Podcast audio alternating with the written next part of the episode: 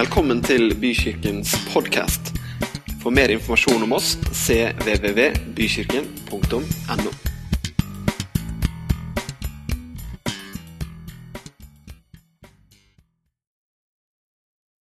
I dag er temaet evig far. Evig far. Hvem er Gud?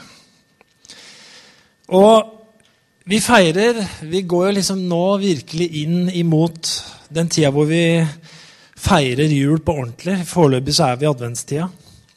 Men eh, jul Hvis vi tenker litt bort fra alt handelsstanden vil vi skal kjøpe, som vi kjøper med glede og gir hverandre gaver, og alt det her, men tenke på hva Gud ønska å vise oss gjennom det som skjedde i jula, så forteller, så forteller det budskapet oss veldig mye om hvem Gud er. Og det er utrolig viktig å vite hvem Gud faktisk er, og hvem han ikke er. Fordi sånn er det også med, sånn er det med mennesker òg. Vi kan jo vite om enkelte mennesker at vi kjenner dem veldig godt.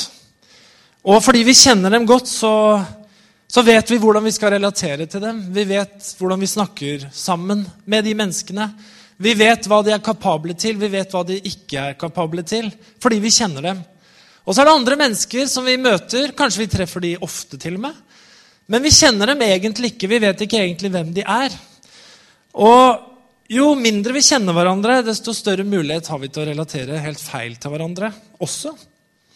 Vi frykter ofte det vi ikke vet hva er. Men Gud, hvem er Han? Og Temaet er som sagt evig far. Men jeg vil si litt at vi som er troende, da, og om du er troende, så er det ubønnhørlig på den måten at det bildet du har av Gud, som vi har hørt om i fortellingen fra Katrin her, så vil det bildet vi har av Gud, det vil påvirke hvordan vi tenker, eh, hvordan vi gjør, hvordan vi utøver troen vår, hvordan vi opplever det er å være troende. Det vil være helt styrende. Og sånn, sånn er det jo da i alle religioner. For det fins mange religioner, og det fins mange guder, og det fins mange gudebilder ute og går i verden. For muslimene er Gud annerledes enn vår Gud. For jødene er Gud og gudsbildet et annet enn det bildet som vi sitter med. Som på en måte ikke avslutta historien om gudsåpenbaringen i den siste boka i Gamle Testamentet, men som fortsatte å tatt imot det vi kaller den nye pakt som kom med Jesus. Og det er jo veldig greit når vi skal forholde oss til Gud, at vi vet hvem han er. At vi vet hvem vi snakker med. og Tar vi feil, så kan det bli veldig gærent. Husker når vi var veldig, veldig nygift. Da var vi eh, yngre. da. Katrin var 21. 22, nesten 22, når vi gifta oss. Og da var det sånn at eh, vi eh, hadde kjøpt Vi hadde en leilighet. Ganske sånn stort, gammelt hus hvor vi bodde. Eh, og eh, det kom Johas vitner på døren. De kom jo på døra innimellom. Og ringte på. Og da var det Katrin som kom og åpna. Og da spurte de lurte på er mamma eller pappa hjemme. jeg bor her, jeg. Å! Det ble litt sånn dårlig start på den samtalen for dem. da. Desto mer morsomt for Katrin, sikkert. Men Gud, hvem er Gud? Og det, Gud han, han presenterer seg faktisk gjennom historien. Og det her at Gud er far, det er en ganske ny greie, skjønner du. Hvis du ikke har tenkt på det, så er det faktisk det. Fordi at Vi kan godt si at Gud åpenbarer seg sakte, men sikkert opp gjennom historien. det kalles da en progressiv åpenbaring. For i løpet av og gjennom Gamle testamentet så kommer Gud, og du vet det hebraiske ordet for Gud er Jehova, eller Jahve. Og i løpet av Det gamle testamentet så kommer Gud stadig med en liten informasjon om seg selv, hvor han åpenbarer seg selv som noe. Han kommer, f.eks. i andre Mosebok så kaller han seg selv for Jehova Rafa som betyr 'Herren din lege'. Jeg er Herren som leger dere. kommer Gud med informasjon. Det er faktisk en Gud som bryr meg om. Jeg bryr meg om helsa deres. Jeg er Herren, din lege. Videre i andre Mosebok, i kapittel 17, vers 15, så kommer Gud og sier at jeg er Jehova Nesset. Som betyr at jeg er Herren ditt banner. Altså som når man er ute på stridsfeltet, når man står i kamper, når man står og slåss, så er ikke dere aleine, for jeg reiser et banner over dere, et seiersbanner. Jeg er Jehova Nissi, jeg er Herren deres banner. Så Gud er alltid, jeg er alltid med dere når dere kjemper, sier Herren da. Det er bra å vite. Så går vi videre i Bibelen, i tredje Mosebok. 20 vers 8 så sier han at han er Jehova Mkedesh. Herren som helliger eller gjør hellig. Eh, og Gud han gjør det klart at det er bare han alene, ikke loven, ikke gjerninger. Faktisk, dette er i Gammeltestamentet, Men det er bare han som kan rense sitt eget folk. Så her kommer Gud med enda en åpenbaring om hvem han faktisk er. At 'jeg er den som skal gjøre dere hellige'. Jeg er den som er deres rettferdighet og deres hellighet. Og historien går videre. Og Vi kommer til dommerboka i vers, kapittel 6 og vers 24, hvor Gud sier at det er Jehova shalom. Det har du sikkert hørt. De som er litt sånn kristne og Israel-fans, de, de, sier ikke hei, vet du, de sier shalom, broder. ikke sant? Fred være med deg. Jeg er Herren din fred. Og det er en åpenbaring som Gud sier at 'jeg er den Gud som gir fred'. Ikke bare inni deg, men jeg ønsker også å gi fred i dine omgivelser. I, dine, eh, I ditt liv, der hvor du lever, så ønsker jeg å være en Gud som gir deg fred på alle dine kanter og inni deg. Videre så forteller Gud om seg selv når vi kommer til ja Det har han sagt allerede i første Mosebok, men også i Salme 59, 59,5, hvor han sier at han er Jehova Elohim. Jeg er Gud som er din herre. Jeg er Herren som du skal adlyde, som du skal følge etter, som du skal høre på, som skal være den som er ledestjernen i ditt liv. Gud han forteller mer om seg sjøl. Kommer til Jeremia 33, så sier han at 'jeg er Herren'. Jeg er Jehova Sidkunu. Jeg er Herren din rettferdighet. Jeg er den som gjør deg rettferdig. Og Bibelhistorien fortsetter videre, og Gud kommer og forteller i Salme 23 at det er Jave Rohe, som betyr 'jeg er Herren, din hyrde'. Du skal ikke mangle noen ting, for jeg skal være Herren din hyrde. Jeg går sammen med deg. Om du enn vandrer i dødsskyggens dal, så skal det gå bra. Jeg skal følge med deg, jeg skal være med deg. Jeg er som en hyrde som, som samler flokken sammen, og du er en av dem. Bibelhistorien går videre, og Herren sier at han er Jehova Shamma. Herren som er til stede. Herren som er alle steder nærværende. Det betyr at det er ingenting som er skjult for Gud. Det er ingen situasjon i livet hvor Gud ikke er. Som Katrin sa, Gud er alltid i nærheten av oss. Gud er alltid nærværende. Han er alle steds nærværende, og vi kan få lov å komme og møte Han. Og Bibelhistorien forteller videre at han kaller seg for El Elion, som betyr 'han er den høyeste'. Det er ingen som er over han. Bibelhistorien forteller videre at han kaller seg for El Roi, Gud som ser. Han som ser alle ting. Han vet alt, han ser alt. Han ser deg der hvor du er. Jeg ser din livssituasjon, jeg ser der hvor du er i livet. Jeg vet alt. Og Bibelhistorien forteller videre at han kaller seg for El Gibor, som betyr at han er mektig Gud. Og det er et navn som også beskriver Messias Jesus Kristus, som skal komme. Og Det navnet det er funnet også i åpenbaringsboka, som er den siste boka i Bibelen. Alle disse navnene, og det er faktisk enda flere, men alle de navnene her, så er det at Gud forteller noe om seg selv. Hvem han er, hvilke egenskaper han har osv. Hvilken rolle han har. Og alt sammen er veldig, veldig godt. Allikevel så er det sånn at alt det han sier her om seg selv, det kunne kanskje andre sagt òg. Det kanskje andre guder også har sagt om seg selv. Og det fins i andre religioner også at deres gud er på den måten der. Men i Det gamle testamentet så presenterer Gud seg som paktsguden. Gud han eh, ser at syndefallet kommer. Og det første Gud gjør etter at syndefallet er et faktum, det er at han tenker dette må ordnes opp i. Her må det frelses. Her må jeg få menneskeheten ut. Og det første han gjør, er at jeg skal sende én. Jeg skal sende en. Så Kvinnens sæd. Ut fra denne kvinnens slekt skal det komme en person som skal knuse slangens hode. Og Det var den første profetien om Jesus i første Mosebok 3. Og så er det sånn at Gud han velger seg ut et folk som skulle være det folket som kom fra Abraham, Israels folk. Og i denne relasjonen her så oppretter Gud en pakt, en gamle pakt, hvor Gud er den ene parten, og folket Israel er den andre parten. Og I en pakt så er det sånn at man gjør gjensidige avtaler. Dersom dere kommer i problemer, så, eller trenger dere hjelp, så stiller jeg opp for dere. Og dere på den andre sida, dere er med på mine betingelser. Vi er en slags sånn type avtaleforhold. Det er en god pakt, men den er ikke god nok, skal det vise seg. Det er nemlig en pakt som krever at mennesket også oppfyller sin del av avtalen for at det her skal fungere. Noe vi mennesker ikke klarte å få til pga. synden.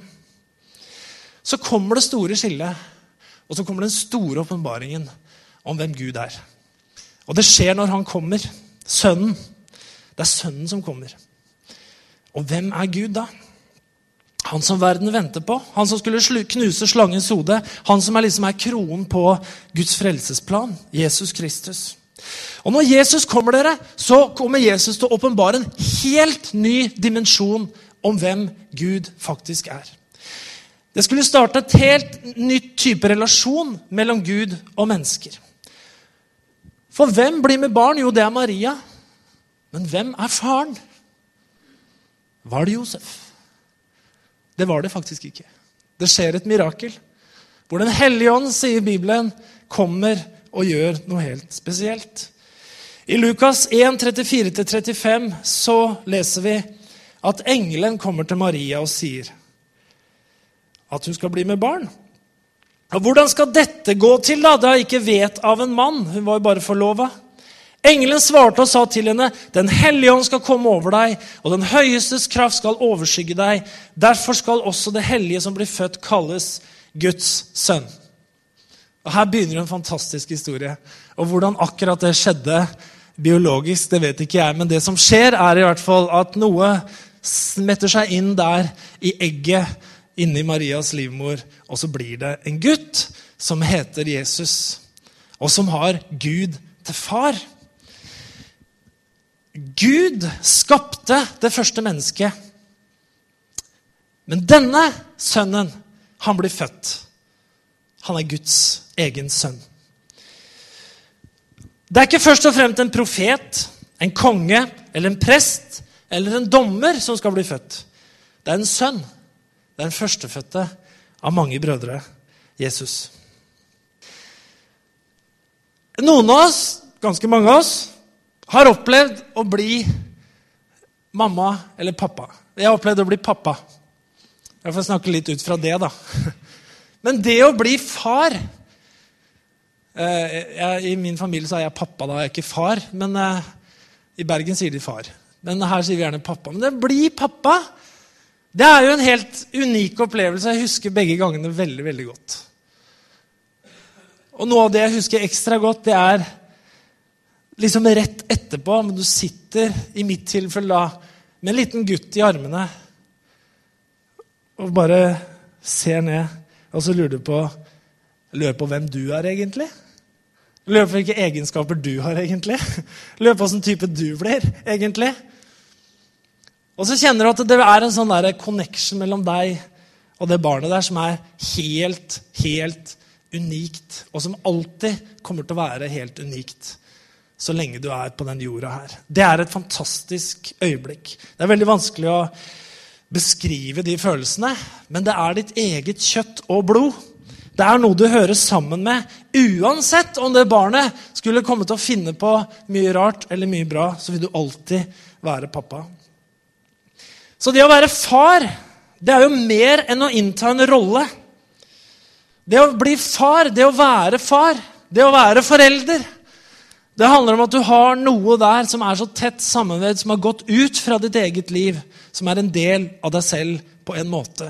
Så er det helt annerledes enn alle andre relasjoner man har. Og det er jo her det fantastiske med Jesus og Gud åpenbarer seg. Gud er Jesu far. Men ikke bare er han Jesu far. Han sier også at han er den førstefødte av mange. Vi har nemlig alle muligheten til å bli og være Guds barn. Gud ønsker å være en god far for alle.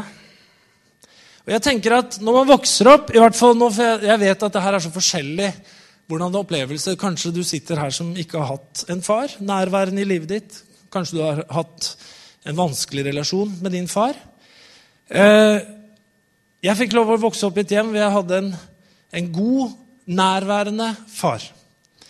Og jeg tenker at som det også er med Gud, så vokser man opp, og så tenker man kanskje veldig lite på alt det man får. Ikke bare av far, men også av mor. Av foreldrene. Det at ting bare er der. Han bare dro på jobben. Det var et hus der. Det var en bil der. Det var tilsynelatende i hvert fall som regel penger i lommeboka. Ferier kom, ferier gikk. Det var selvfølgelig alltid mat i kjøleskapet. Og det her rare miraklet som skjedde hele tida, at du bare tar av deg klær, slipper det ned på gulvet, og dagen etter så ligger de ferdig vaska og bretta i skapet. Det er jo sånne daglige mirakler som, du, som ikke funker så godt nå, merker jeg. Jeg kan ikke bare nå er det gjerninger og lover som gjelder. Nei, altså Det er mye man tar som en selvfølge, da. Og om man er et om man er en god sønn eller en dårlig sønn, man gjør gode ting eller dårlige ting, for det har vi jo alle gjort, så er jo foreldrene de er jo alltid der. De bare var der. Og man kunne alltid komme hjem. Jeg husker Det var liksom den ultimate trusselen. Man kunne si, følte jeg da, jeg, da rømmer jeg hjemmefra. Jeg husker jeg rømte en gang. Da rømte Jeg jeg bodde jo på Tolsrød, altså nær ved Presterød barneskole. for dere som jeg kjente. Jeg rømte helt til Presteråsen, husker jeg. Det er ca. 2,5 km. Jeg synes nå jeg var så sint på et eller annet, jeg husker ikke hva det var, men jeg rømte i hvert fall til Presteråsen. En kamerat som bodde helt på andre sida, nesten ned mot Kilen. Jeg synes jeg var utrolig langt hjemmefra. Og jeg hadde ikke sagt ifra ellers. Jeg hadde jo rømt, da.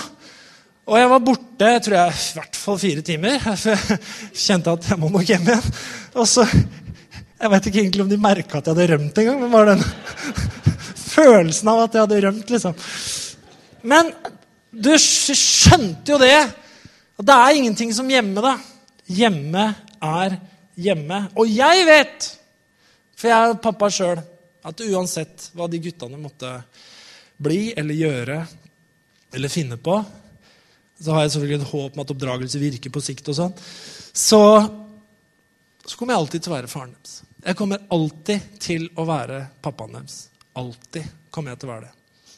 Og når jeg ser på dem, så er det noe helt eget som skjer inni hjertet her. For det er minnet. Det er mitt kjøtt og blod. Og sånn kommer det alltid til å være. Gud er også far. Og det fantastiske er at bibelhistorien åpenbarer ikke Gud som far før Jesus kommer. Når Jesus kommer, så forteller han hele verden at Gud er far. Og da er det plutselig ikke lenger en paktspartner, bare. Da er det ikke plutselig i gåsetegn en som bare kan fikse ting, som er med deg. Men far, da snakker vi om mye nærmere relasjon. Og Jesus Skal jeg prøve å avslutte? Jesus forteller denne historien om igjen og om igjen. Han forteller om å bli født han forteller om å bli barn, og han forteller om å ha en far. En, en skriftlærd kommer til Jesus som heter Nikodemus. Og Jesus sier til han, 'Sannelig, sannelig sier jeg deg, uten at den blir født på ny, så kan han ikke se Guds rike.' Eller vi kunne også sagt, så kan man ikke ha Gud som far. Du må bli født på ny. Man må bli født av en far for å få en far. Nikodemus lurte fælt på det her. Men forklaringen er at Gud ønsker oss å føde oss på ny i Den hellige ånd, ved Den hellige ånd, når vi anerkjenner Jesus som vår frelser og herre. Så får vi lov å komme inn i den familien, og vi får lov å ha Gud som far. En Gud som er for deg, som alltid er god, og som ser på deg som en far ser på sitt barn. En Gud som aldri svikter, og som uansett hva du og jeg måtte finne på, alltid vil si 'Jeg er uansett din far'. Hva skjer da, da når vi får den statusen? Jo, det skrives i Romerne 8, 17. Men er vi barn, da er vi også arvinger. For sånn er det faktisk. Om vi har vært gode eller dårlige sønner og døtre, så er, er det sånn, om det ikke skjer noe veldig rart juridisk, at en dag, om naturen går sin normale gang, så vil jeg som sønn jeg vil arve min mor og min far. Og det er ikke med utgangspunkt i at om jeg har vært en fantastisk sønn eller en dårlig sønn. Det har ene og alene utgangspunkt i min status som barn. Jeg er deres avkom. Og når det gjelder Gud, så sier han er vi barn, er vi også arvinger. Vi er Guds arvinger og Jesu Kristi medarvinger. Så sant vi lider med ham for at vi også skal herliggjøres med ham. Tenk på det. Vi får lov å arve Gud sammen med Jesus. For Gud, han er trofast. Og så er han evig. Tenk på det. Det er ikke, det er ikke noe sånn, ikke noe sånn uh, korttidsjobb. Og det er det ikke her på jorda heller, med oss mennesker. Jeg sier jo ikke det til gutta mine. Jeg regner med å være far for dere fram til det er 25 år cirka. Da bør dere ha liksom fått et greit fundament. Jeg har levert mat, eh, økonomisk støtte, oppdragelse, pensa dere inn på noe bra skolegang kanskje osv. Nå står dere på egne bein. Dere trenger ikke meg som pappa lenger. Men så vet jeg det. At det gjør dem. Det kommer alltid til å være godt at mamma og pappa er der. Sånn er det. Og Gud sier at han er evig. Han er ikke en som abdiserer. For en konge kan jo abdisere. Hvis du tenker på de gamle, gammeltestamentlige navnene på Gud, så kan en konge abdisere. En, en forsørger kan trekke sin støtte. En lege kan stenge kontoret. Men en far, han er alltid far. Og Derfor så står det et fantastisk vers, som er det siste verset jeg skal lese. I 2. Timoteus 2,13 så, så sies det noe om Guds trofasthet. Dersom vi er troløse, så forblir han trofast, for han kan ikke fornekte seg selv. Og det er fantastisk. På samme måte at jeg som far, at du som far, eller at du som forelder aldri kan fornekte at sånn er det bare. Dette er min sønn. Dette er min datter. Sånn vil det alltid være, uansett hvordan livet farer av gårde. Så er det også sånn med Gud at er vi troløse, så er han trofast, for han kan ikke fornekte seg selv. Amen. Jesus han lærte oss én bønn som vi skulle be. Han lærte oss mange flere ting om bønn. For eksempel, du skal ikke ramse opp masse ord. Men han lærte oss én bønn som vi skulle be. Og den begynner sånn her. Fader vår. Ikke sant? Så når Jesus snakker om det her å henvende seg til Gud, da, så begynner han den bønnen med å si at når du skal snakke med Gud, når du skal be til Gud, så skal du ikke henvende deg til han som min dommer, min lege, mitt banner, min forsørger. Selvfølgelig, Han er alt det òg, for det fins i det å være far. Men han sier du skal henvende deg til Gud som pappa. Far. Og det er, det er den relasjonen som Gud ønsker at vi skal ha til han. Og det er den, ikke bare det, men det er den relasjonen han ønsker å ha til deg og meg. Det er nemlig annerledes. Jeg vet ikke om du har lagt merke til det, men i hvert fall for min del og for veldig manges del og for mine barns del så er det sånn at det er annerledes å spørre pappa om noe enn å dra til Nav f.eks. Eller til legekontoret. For legen min han er veldig proff. Han er veldig hyggelig, veldig flink, gjør alt han skal. Men det er liksom, det er liksom bare da handler det bare om helsa mi. Men hvis jeg skulle snakka med faren min om helsa mi, da er det liksom en mye mer helhetlig greie. For ikke å snakke om penger, da. Nå ler han, sitter han bak der. Og med mine sønner også så er det sånn at det, hvis de bruker det tonefallet her Pappa Har du hørt den? Og de drar sånn lenge på den. 'Pappa' Og da sier han 'Hva er det du skal ha nå?' ja, det var det jeg lurte på, da. Og så merker jeg at de er skikkelig flinke til å overtale meg mange ganger. Men vi har en nær relasjon til hverandre. Og det er den relasjonen som Gud vil ha med oss. faktisk. Han ønsker at når du skal komme til Gud, så skal du ikke komme til dommeren din. Du skal ikke komme til den som rettferdiggjør bare. Du skal ikke komme til legen din bare. Du skal komme til Gud, som er din far. Og det er det jula handler om, dere. Det var at Jesus kom for at vi skulle se hvem Gud er. Og så skulle vi se en som ble født av Gud. Og så skulle vi se en som hadde en relasjon til Gud som far. Og så skulle vi få høre det fantastiske budskapet om at han døde for våre synder, sånn at også vi kunne bli barn. For hver den som tror på han, skal ikke fortapes, men ha evig liv. Og vi får retten til å bli Guds barn. Amen. Så vi skal be en bønn. Vi takker deg, Herre, for at du sendte Jesus. At vi kan få lov å minnes det i denne juletida. At din frelser til verden, verdens frelser, kom som et lite barn som ble født.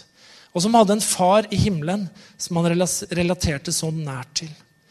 Jeg takker deg, Jesus Kristus, for at du vokste opp og viste hvordan en relasjon til vår himmelske far kunne være.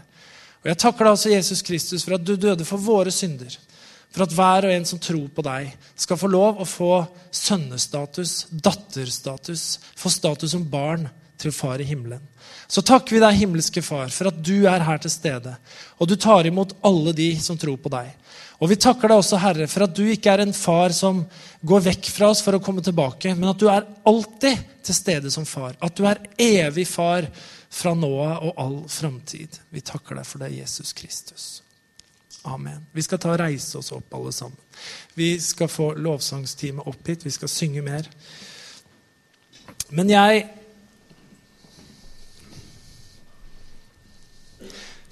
Mange av oss har vært så heldige å ha få lov å vokse opp i en familie med både mor og far, og hvor far har vært til stede, og mor har vært til stede.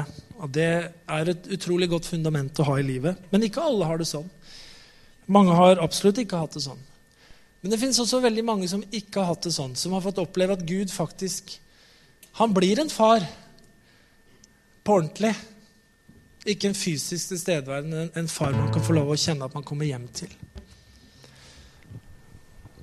Og om du har vokst opp med mor og far, og hatt en god oppvekst og alt det her, så allikevel så er det noe med at det en dag, det tar slutt. da. De blir borte. Dette livet avsluttes. Og det er fantastisk å ha med seg det her med evig far. Vi har en Gud som ønsker å være vår far for alltid, for resten og inn i evigheten. Jeg har bare lyst til å gi den uh, utfordringen, den oppfordringen hvis, En liten oppfordring. Hvis alle kan lukke øynene sine bare bitte lite grann, så har jeg lyst til å spørre om du er her denne formiddagen vi går inn i jula, som vil bli Guds barn. Og hvordan blir man Guds barn? spurte Nikodem. Jo, man blir født på ny. Hvordan blir man født på noe? Jo, ved at man tror at Jesus kom til denne jorda. Punkt 1, det er det jula handler om. Jesus ble født inn i denne verden. Han er en historisk person som levde på ordentlig. For det andre at han var det han sa han var. At han var Guds sønn. At Gud var hans far. Han var ikke et vanlig menneske, men han var frelseren som skulle komme. Det er det andre, å tro på det, at han faktisk var Guds sønn. Det tredje, som Bibelen sier at vi tror på da anerkjenner, det er at han døde for våre synder. Da er vi litt lenger fram, noen måneder fram i påsken. At han døde for våre synder, for å sone syndene, så også vi kunne komme inn i Guds hus og bli hans barn. Og Derfor så sier Bibelen at dersom du tror i ditt hjerte og bekjenner med din munn at Jesus Kristus er Guds sønn, at han døde og sto opp for dine synder, da blir du et Guds barn. Så Hvis alle holder øynene lukka et lite øyeblikk, så vil jeg bare spørre om du er her. Om du vil ta imot Guds største gave, som er Jesus frelseren, for første gang. Og vil du gjøre det, så kan du rekke opp hånda mens bare jeg ser det, så skal vi be, skal be en kort bønn før vi går videre. Er du her som ønsker å si 'ja, jeg tror', så kan du rekke opp hånda.